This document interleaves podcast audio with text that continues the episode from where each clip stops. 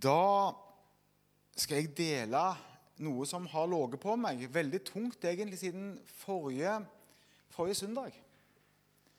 Men egentlig er det noe som har vokst fram, og vokst fram mest i samtale med Olav over litt tid.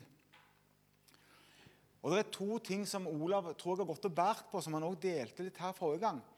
Og Det ene er at han opplever at det er en sånn, det sånn tynn hinne mellom, mellom oss og en enda større del av, det, Guds åndelige virkelighet, eller noe, noe, som ligger på, en måte på, ei, på et enda djupere nivå i erfaring med Gud.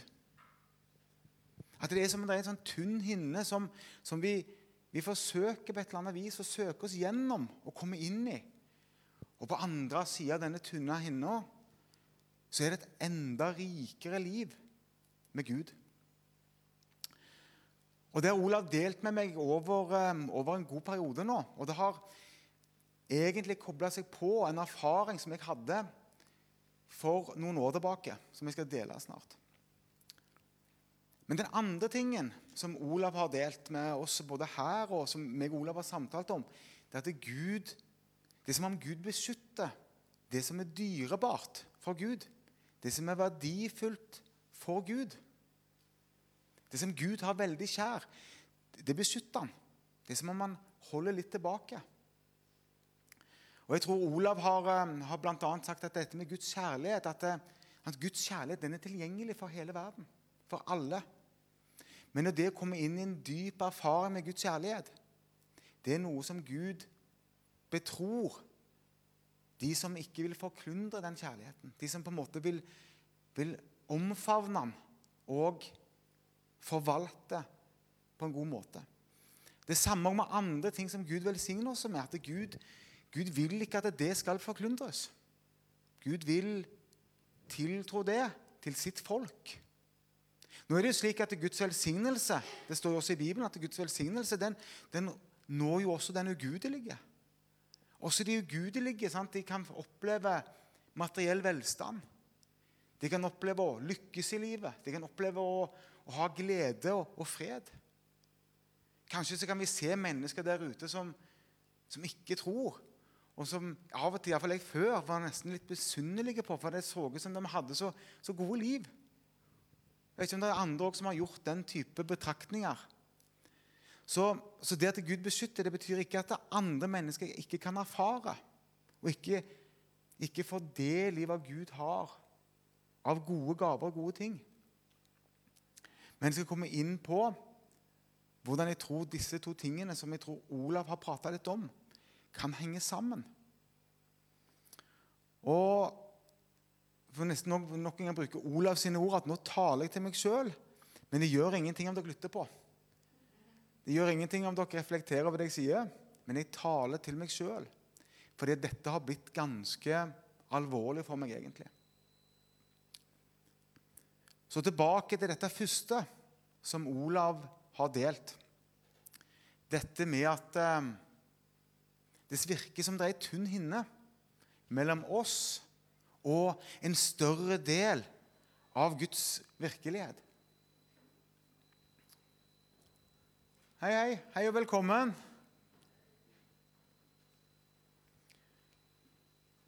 Skal vi sette ut noen flere stoler, kanskje? Eller gjøre klar? Hei, hei. Så Jeg skal bare fortsette akkurat der hvor jeg var med dette med, dette med Guds at det, på, at det, kan være noe mer for oss å innta. For, um, for noen år tilbake så satt jeg i godstolen min. Og jeg har en sånn en godstol hvor jeg satt i mange år etter jeg var, hadde vært i denne ulykka. Så sitter jeg der, og så opplever jeg at jeg har et litt sånn og nå blokkerte den Facebook igjen. Vi får se om vi kommer oss på. Men det som jeg opplevde, var at eh, jeg var inni en stor ballong. En stor, stor ballong. En sånn gjennomsiktig ballong. Nå var riktignok noe det jeg hadde sett på. Jeg hadde sett den sånn på TV. Har dere sett sånne ballonger som folk kan gå inn i?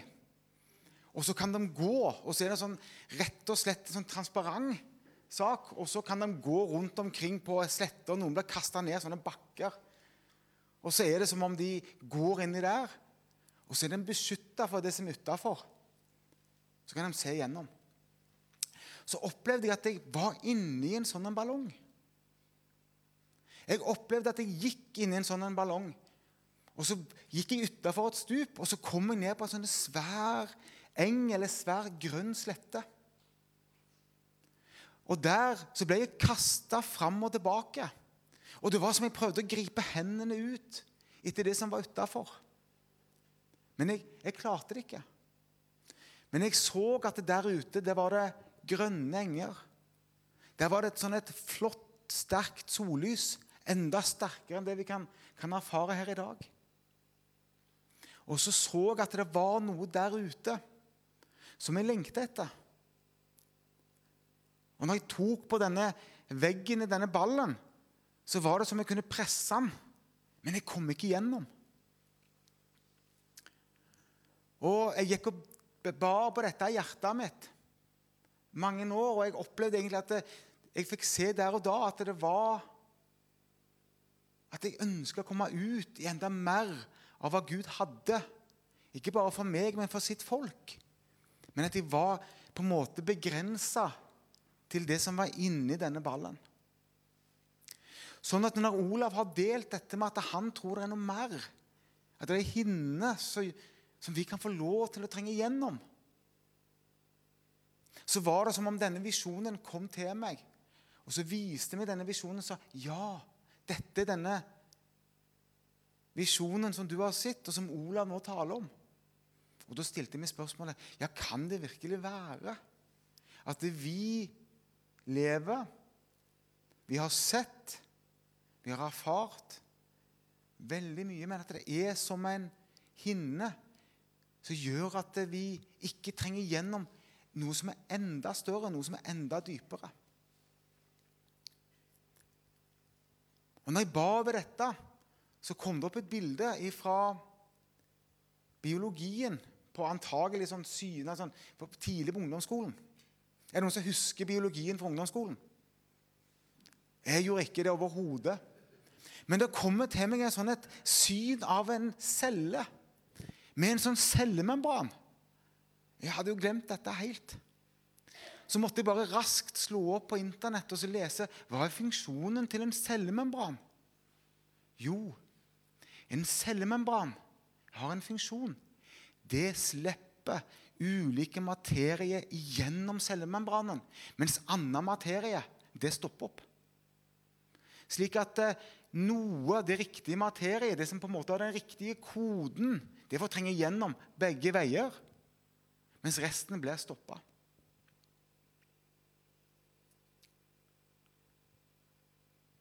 Så var det som om Gud sa Dere som tror. Dere som tror dere har den riktige koden til å trenge gjennom denne membranen som Olav har pratet om. Denne på en måte hinderet, eller denne tynne veggen. Dere har koden, dere har passordet til å trenge gjennom. Og Så kjente jeg en sånn en lengsel etter å se oss som Guds folk gå enda dypere inn i dette. For jeg tror jeg tror at det er enda mer av åpenbaring, enda mer av erfaring og enda mer av livet med Gud som er tilgjengelig for oss. Jeg tror det finnes enda mer av denne virkeligheten som er på andre sida, som er tilgjengelig for oss. Og jeg tror at det er noe som er tilgjengelig for oss i dag og så tror jeg det er noe som var tilgjengelig for oss i går. Og vet dere hva? Det som var tilgjengelig for oss i går, det levde vi i. Det har vi levd i. Og dette er ikke slik at eh, vi skal sitte og kjenne på at vi ikke har vært gode nok, eller at vi ikke har fått med oss hva Gud har gjort. Men jeg ønsker det skal være en oppmuntring og noe som skaper tro for at det er enda mer for oss å leve i. Det skal ikke skape noe fordømmelse eller eller følelse av nederlag hvis vi, hvis vi føler vi strever med det.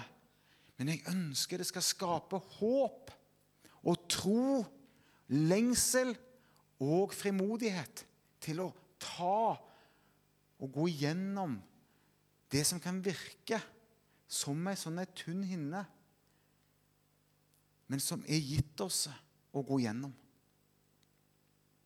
Men så skal jeg òg fortelle dere, og det skal jeg gjøre med litt forsiktighet og litt frimodighet, hvorfor jeg tror i mitt eget liv at det er ting som har holdt meg tilbake. Og Det er da jeg egentlig må gå inn i eh, notatene mine, som egentlig ser ut som en suppe på print. Men jeg vet hva jeg skal si. For det, jeg tror det at eh, mye av det som vi kan tale om av dette, det handler om det som Bibelen taler om Guds rike.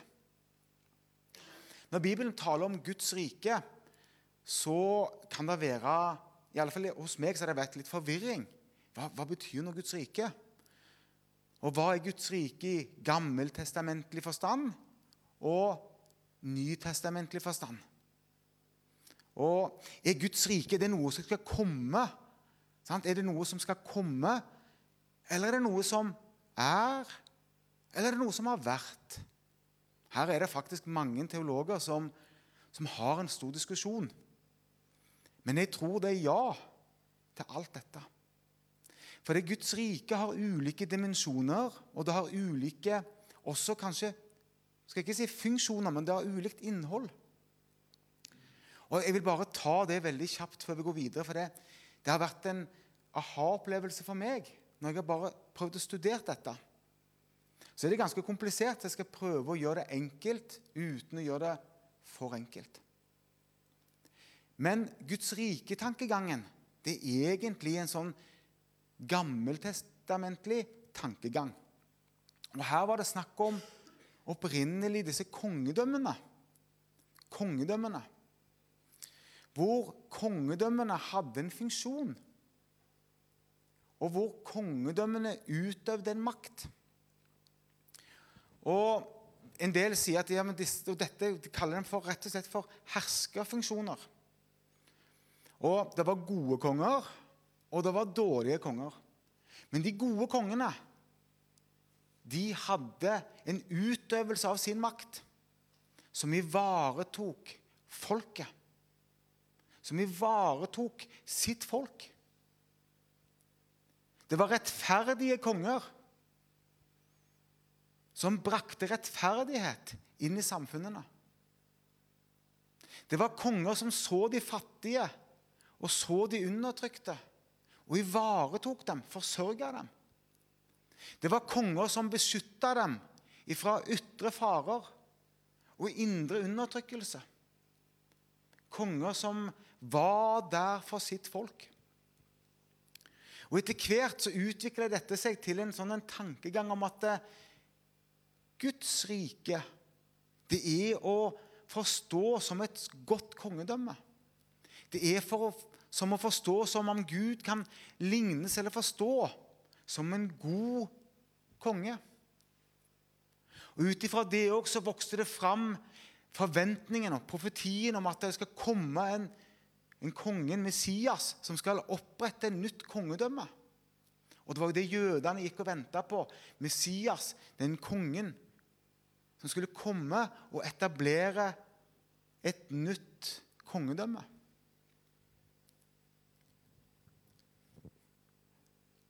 I Gamle testamentet så kommer det mange profetier om dette. Det vokser fram en lengsel, et håp og en forventning blant, blant jødene, blant Guds folk, om denne Messias, denne kongen som skal etablere et nytt kongedømme. Og når Jesus kommer, så ser vi jo at det er den forventningen folk har. Til og med disiplene har den forventningen om at Jesus skal etablere et fysisk kongedømme iblant dem hvor han også skal være slik som disse rettferdige og gode kongene. En konge som eh, beskytter dem mot ytre farer. En konge som skal kaste ut romerne. En konge som skal gjenopprette Israels eh, rike, både med fysiske grenser og med det indre styret i, i, eh, i Israel. Men Jesus han sier nei, jeg er ikke kommet deg for å etablere et sånn et kongerike. Og så prater Jesus om at eh, Guds rike er, er nær. Men samtidig med dette så prater Jesus òg om et rike som skal komme en dag. Og ut ifra det så, så, er det som om det er sånn en tosidighet ved dette. Et Guds rike som er, som er nær, og et rike som skal komme en dag. Og Veldig ofte så har vi tatt dette med det riket som skal komme, som en, sånn en, som en endetidsforventning. som heter en sånn apokalyptisk endetidsforventning. Om at når Jesus kommer tilbake, da skal han etablere et nytt rike. Og Guds ord prater om det. Men Guds ord prater også om det rike som er her. Guds rike som er her nå, tilgjengelig for meg og deg. Jo, men det er nær. Det er ikke her. Jo, Jesus han taler om at det er Guds rike. Det er her. Det er midt iblant oss. Det er inni oss. Og Jeg skal se om jeg finner dette i notatene mine nå. er, Her kan jeg iallfall lese at det skal være i Lukas. Lukas 17, 20-21. Og Det er egentlig en et, et fortelling som, som, som, er litt større enn dette, men jeg skal bare lese det. Som står i 2021. Der står det En gang spurte fariseerne Jesus når Guds rike skulle komme. Denne forventningen om at eh, Guds rike skulle manifestere seg eller etablere seg på jord igjen. Det skulle komme et rike. Og De spør da Jesus om det. Og Jesus han svarte Guds rike kommer ikke på en slik måte at en kan se det med øynene. Ingen vil kunne si 'Her er det', og så gir han svaret. Der er det, for Guds rike er midt iblant dere. Og I en annen oversettelse så står det For se, Guds rike er inni dere. Og Her ser vi at det, det var en forventning om hvordan Guds rike skulle se ut. Om hvordan Guds rike skulle bli etablert. Og så kommer Jesus og sier nei, det ser ikke sånn ut. Det er ikke sånn det ser ut, slik som dere har forventning om. Og Så peker han på at Guds rike det er iblant oss, og det er i oss. Jo, men kan det kan nå det være sant, da? At det kan være i oss eller iblant oss når, når det skal komme? Ja. For oss som tror, for oss som har tatt imot Jesus Kristus, så sier Bibelen at eh, Kristi ånd er i oss. Kristi ånd er i oss. Og ordet kongedømme, eller Guds rike, det ordet som er brukt, det er egentlig avleda av et gresk ord som betyr konge. Og Når Jesus taler om disse tingene, så bruker han det ordet. Og Det er det samme ordet som blir brukt når det handler om hva som har tatt bolig i oss. Og Det er interessant synes jeg, at når vi prater om et kongedømme, så er det de samme ordene som det som har tatt bolig i oss. Altså, det er sant det som Guds ord sier. Guds rike, det er så nær at det er blant oss, i oss. Det som står i Lukas. Guds rike er midt blant dere. Guds rike er inni dere. Og En annen plass å tale Jesus det om at um, han, han blir også satt på prøve i forhold til om dette med Guds rike, om det skal komme eller om det er. Og Det er vel det han sier, jeg tror det er Matteus, hvor han sier jo dette eh, hvis, når jeg nå kaster ut demoner og onde ånder, ja, da ser dere jo at Guds rike har kommet. Gud, det blir Jesus egentlig satt på prøve. Noen sier at eh, ja, jeg lurer på om dette er Davids sønn. Eller om, om han kaster ut disse onde åndene ved hjelp av eh, noen demoner. Og Jesus han vet hva som bor i hjertene deres, vet hva de samtaler om. Og Det er da han svarer når jeg kaster ut demoner, så er det fordi Guds rike det har allerede kommet iblant dere.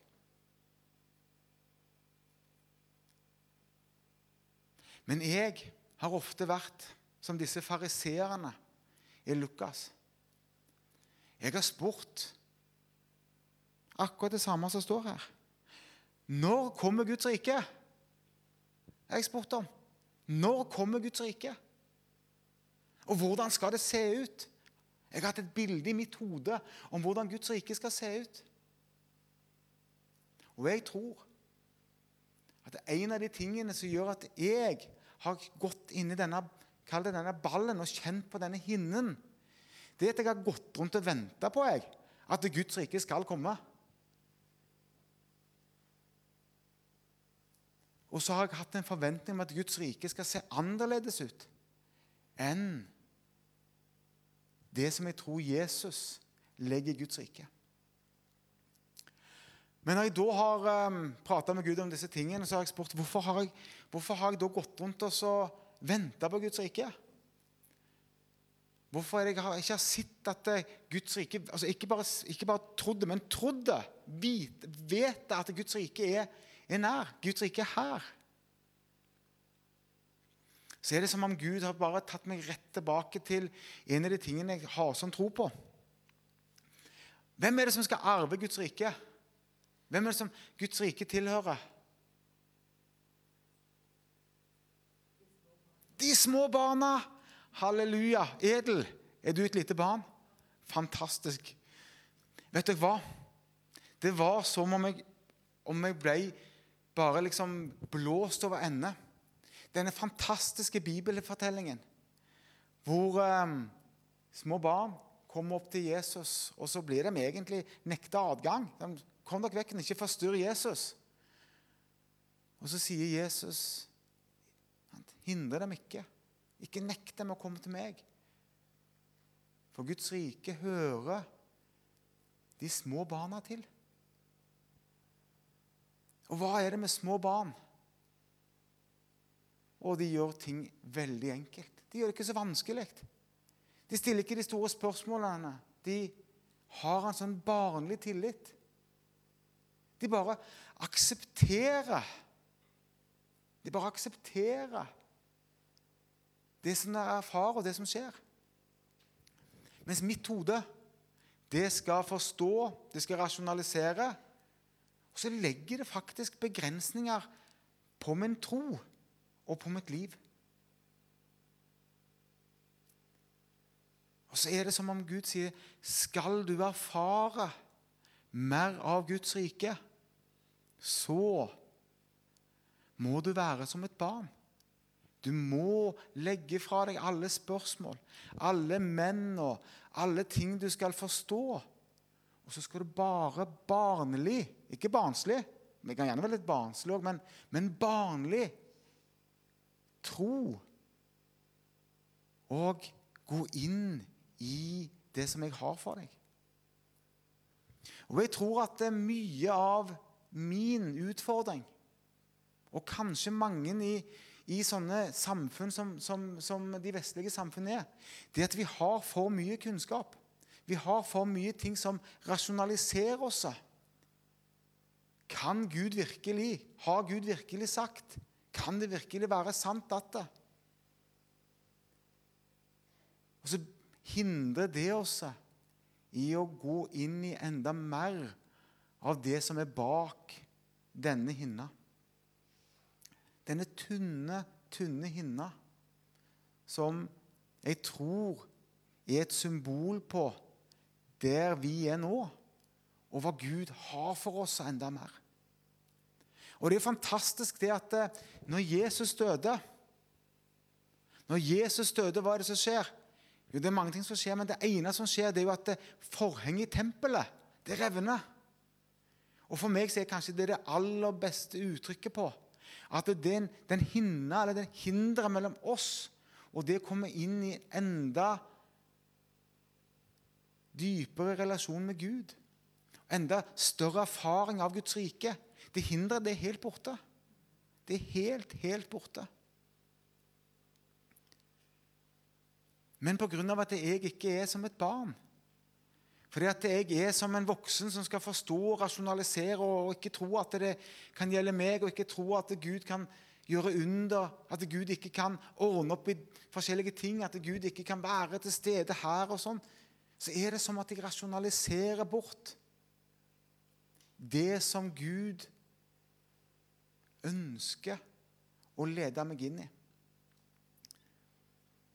Fordi En annen ting som jeg har erfart med, det, med, med, med hvordan jødene tenkte Guds rike i Gamle Testamentet, det at Guds rike det er ikke først og fremst et fysisk sted.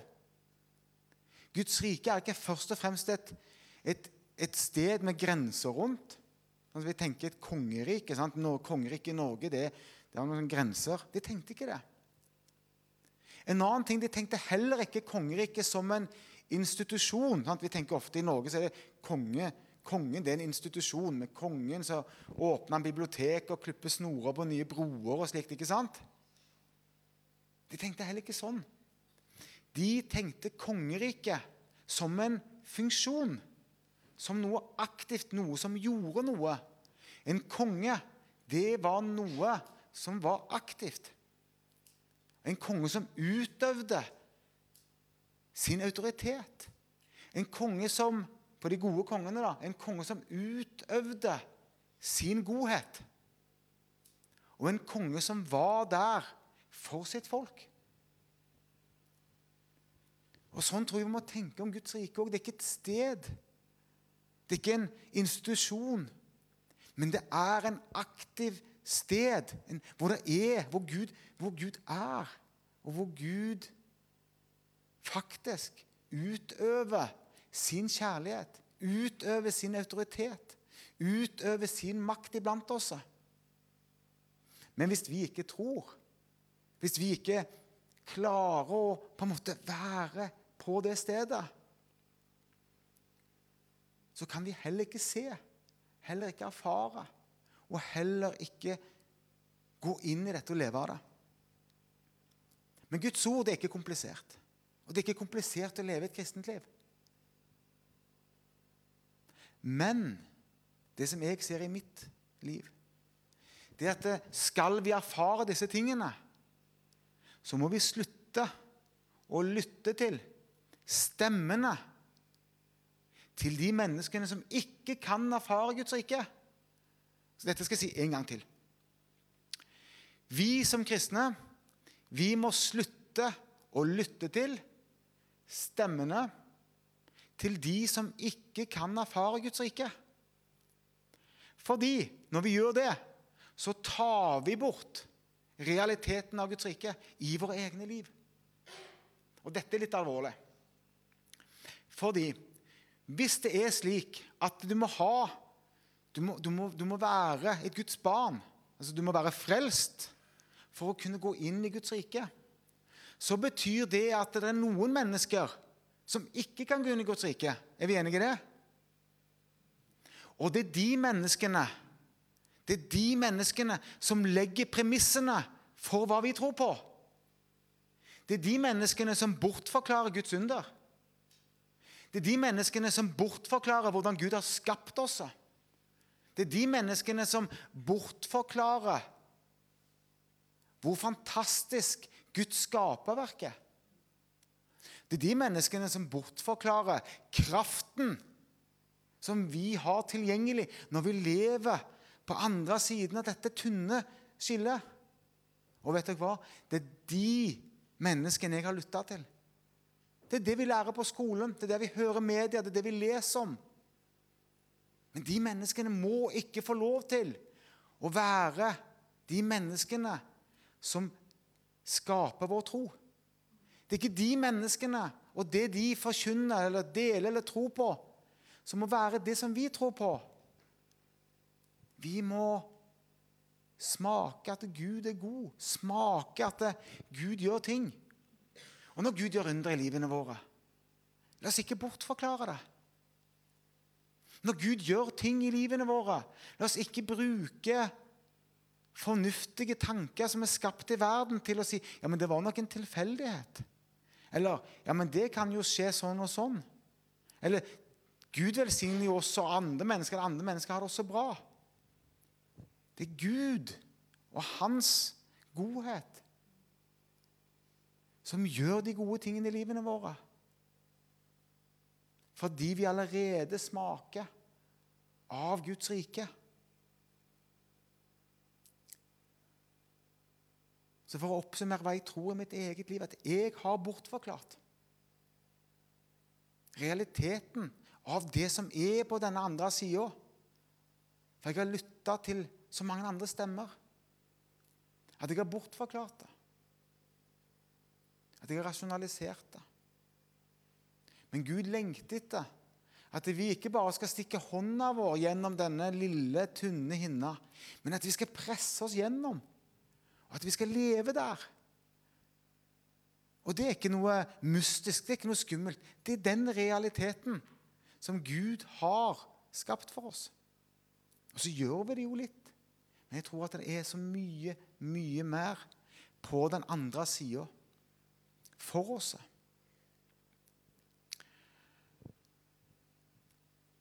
Så det er én ting til som jeg har bare lyst til å, å dele for Jeg tror at det er slik òg at det kan være ting ved mitt liv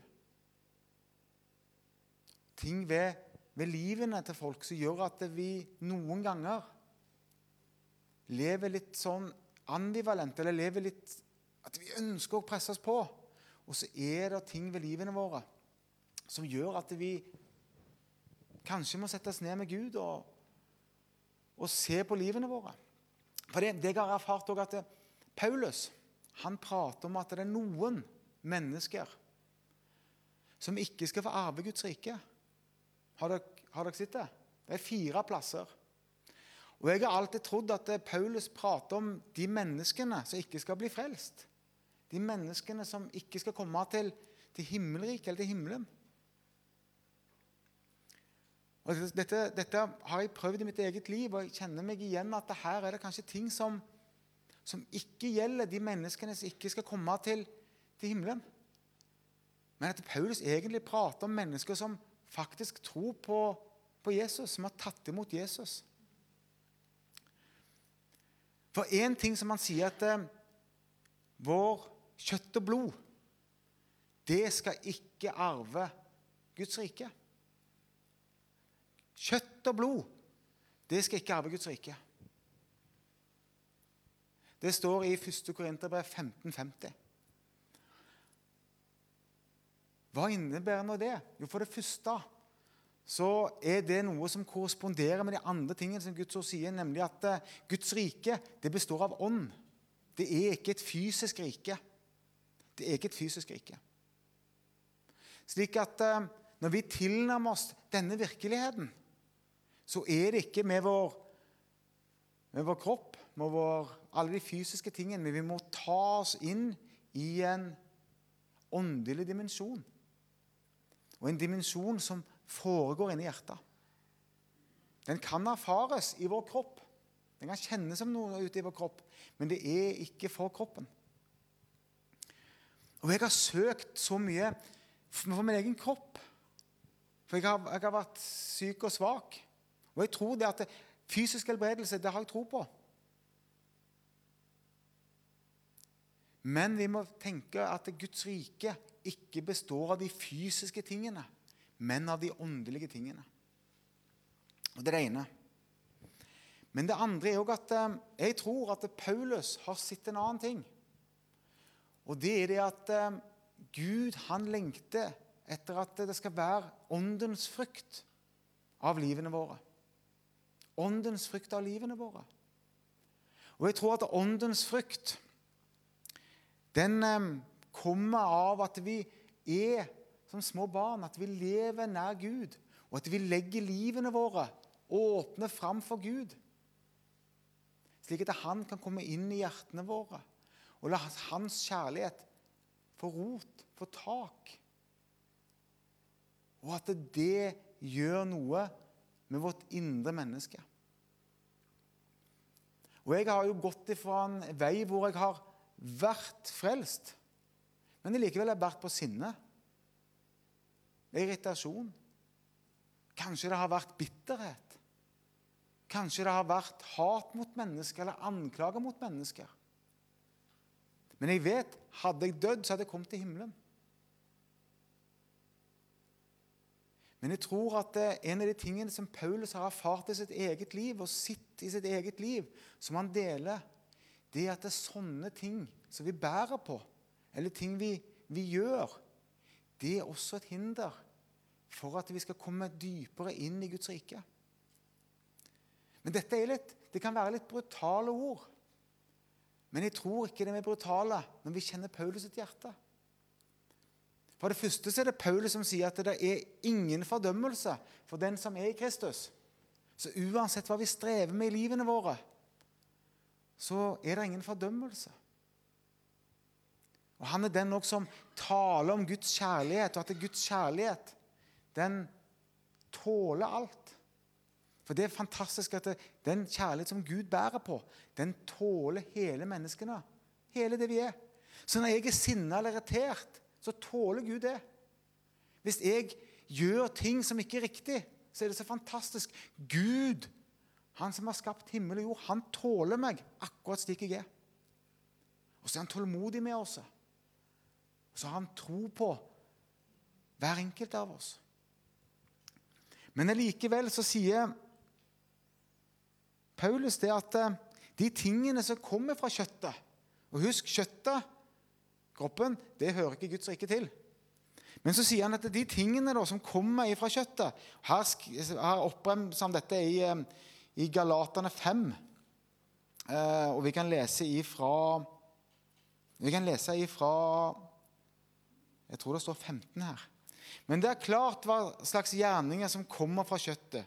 Hor, umoral, utskeielser, avgudsdyrkelse, trolldom, fiendskap, strid, sjalusi, sinne, selvhevdelse, stridigheter, splittelse, misunnelse, full festing og mer av den slags. Og mer av den slags. Og Man kan jo tro at alle disse tingene er uforenlige med det å, å være frelst.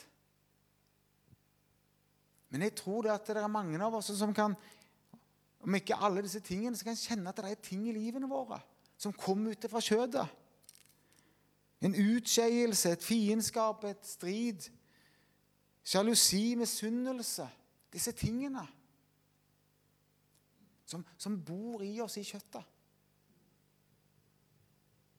Det hender av og til blir litt frustrert. Kanskje jeg skal kalle det sinne. Hender det at jeg blir misunnelig? Ja, det var noen som vant 1,2 milliarder. I, i, i sånn vikinglott. Jeg vet ikke om jeg var misunnelig, men jeg tror det stakk litt at det ikke var meg. Nei, det bare tøyser. Men vi kan alle kjenne på sånne følelser. Ikke sant? Og, og Poenget mitt er at vi kan allikevel være frelst, komme til himmelen, om vi kjenner på noe av dette, eller gjør noe av dette. Så er det ingen fordømmelse. Overhodet ingen fordømmelse. Og Gud, han tåler oss selv om dette er ting som vi, vi kan kjenne igjen i livene våre. Men Paulus sier videre de som driver med slikt, skal ikke arve Guds rike. Og der er det jeg kjenner meg sjøl. Så hvis jeg er sinna, da, eller misunnelig, sjalu, hvis jeg står i stridigheter eller splittelse Nå er jeg ikke noe særlig på, på full festing, men det er jo ting her som man kan kjenne igjen. Det er her jeg tror at det er Gud, han beskytter det han har kjært. Jeg tror at det Gud beskytter deler av sitt rike for meg på de områdene hvor jeg har utfordringer. Og det, det tror jeg kjenner på når jeg ser meg inni denne ballen, som jeg sa. At jeg ser noe som jeg enda ikke har kommet inn i. Jeg ser noe som jeg har lyst til å erfare. Jeg ser noe som jeg strekker meg etter. Men det er fortsatt noen sår i livet mitt, fortsatt noen ting i livet mitt, som gjør at det er akkurat de sidene hindrer meg i å komme inn i enda mer erfaring med Gud. Enda noen sider ved Guds rike som jeg ikke kommer inn i. Og det er et alvor for meg. Samtidig som at det er ingen fordømmelse. Det er et alvor for meg som gjør at jeg kjenner gode Gud i himmelen. Hjelp meg. Så kjenner jeg ingen fordømmelse. Men jeg kjenner en favn som strekker seg ut mot meg av denne kjærligheten som er tålelig for alt hva jeg er. Denne kjærligheten som er tålmodig med meg. Og denne kjærligheten som er et håp for meg. Så kjenner jeg at Gud kan omfavne meg. Så erfarer jeg denne kjærligheten. Og så ser jeg at det åndens frykt, som er kjærlighet, glede, fred, overbærenhet, vennlighet, godhet, trofasthet, ydmykhet, selvbeherskelse At det får lov å treffe meg. At det vokser fram sakte, men sikkert i livene mine, i livet mitt. Så ser jeg Wow! Dette er jo faktisk en del av hva Guds rike innebærer. Det å erfare disse tingene. Få legge fra seg irritasjon og sinne, men få vokse inn i glede og fred. Få legge fra seg stridigheter og heller være ydmyk. Få legge fra seg fiendskap, men ønske å bringe kjærlighet inn i situasjoner hvor det er fiendskap. Så når Olav har sett at det er som en sånn tynn vegg, og jeg har erfart at det er mer å innta, så tror jeg det er en del av livet vårt. Jeg tror det er sånn vi, vi lever. Og da tilbake til det som jeg ønsker, nemlig å skape håp, og skape tro og skape en lengsel etter mer. Så er det det at jeg ønsker å formidle til oss alle at det er mer av Guds rike å innta. Det er mer av livet med Gud å innta. Det er mer av Guds kjærlighet, Guds glede, Guds fred som ligger der for hånden for oss. Og For meg så handler det om å nummer én slutte å bortforklare Guds godhet og Guds under i livet mitt og iblant oss. Slutte å rasjonalisere det med den stemmen som verden gir, som sier det ikke fins en Gud, som ikke sier det fins mirakler, og som gjør alt om til tilfeldigheter. Det er det ene. Og det andre å se det at eh, hvis Paulus sine ord gjelder Guds rike, og hvordan jeg kan innta det, så må jeg skjønne at det er ikke et fysisk rike av kjøtt og blod, men det er et rike hvor vi inntar det i vår ånd. Og at eh, det ikke fins her sånn at vi har inntatt alt, men at idet jeg får lov til å legge fram for Gud de tingene som Paulus sier hvis jeg ikke kan komme inn i Guds rike med, så får jeg lov til å erfare mer av Guds rike. For jeg tror det Paulus sier du kan ikke komme inn i Guds rike med sinnet ditt. Så får jeg legge det fra meg.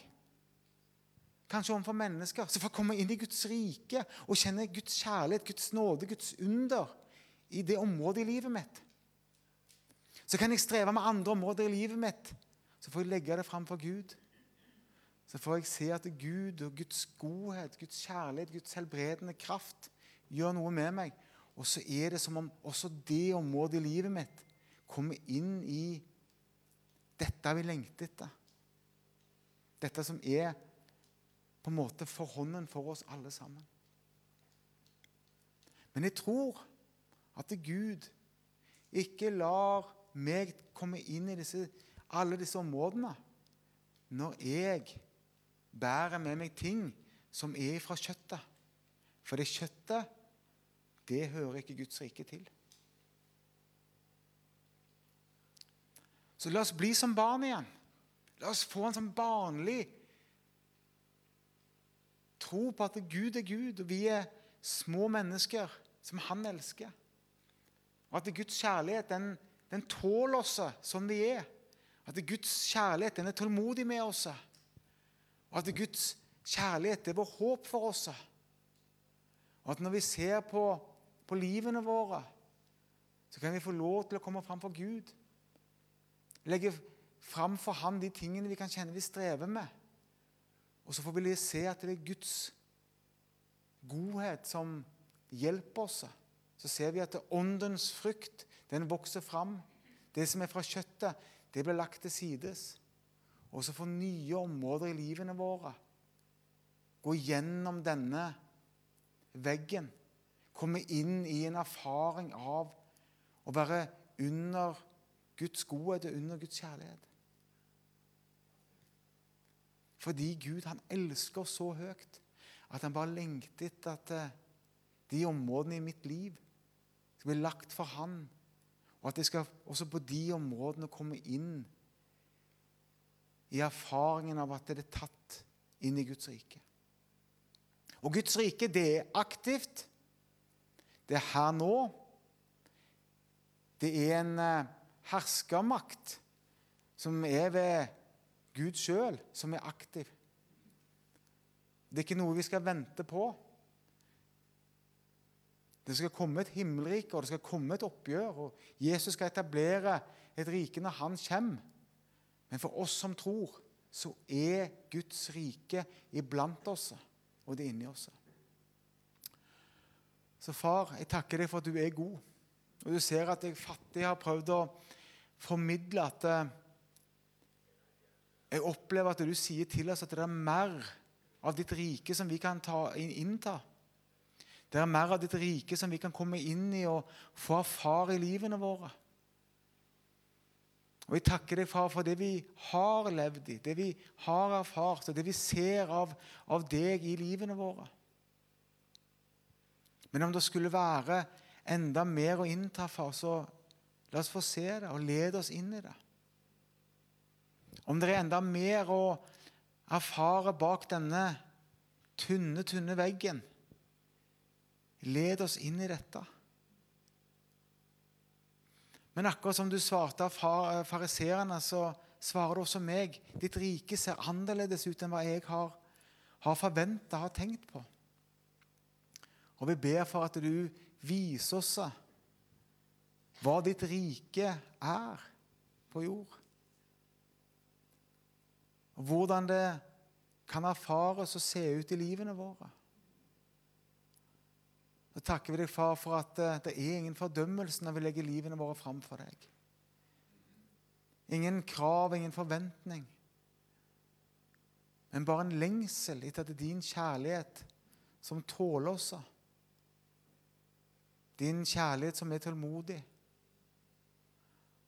At den eh, leder oss inn i å erfare deg og erfare gjenopprettelse og godhet og helbredelse av hjertet. Men gi oss òg for visjoner og drømmer om hva vi kan få lov å komme inn i. Vekk til live våre gamle visjoner og profetier som er sagt over livene våre. Over barna våre, familiene våre, over menighet og byfar, over land. Takk, takk, takk, far. Og hjelp, hjelp, hjelp.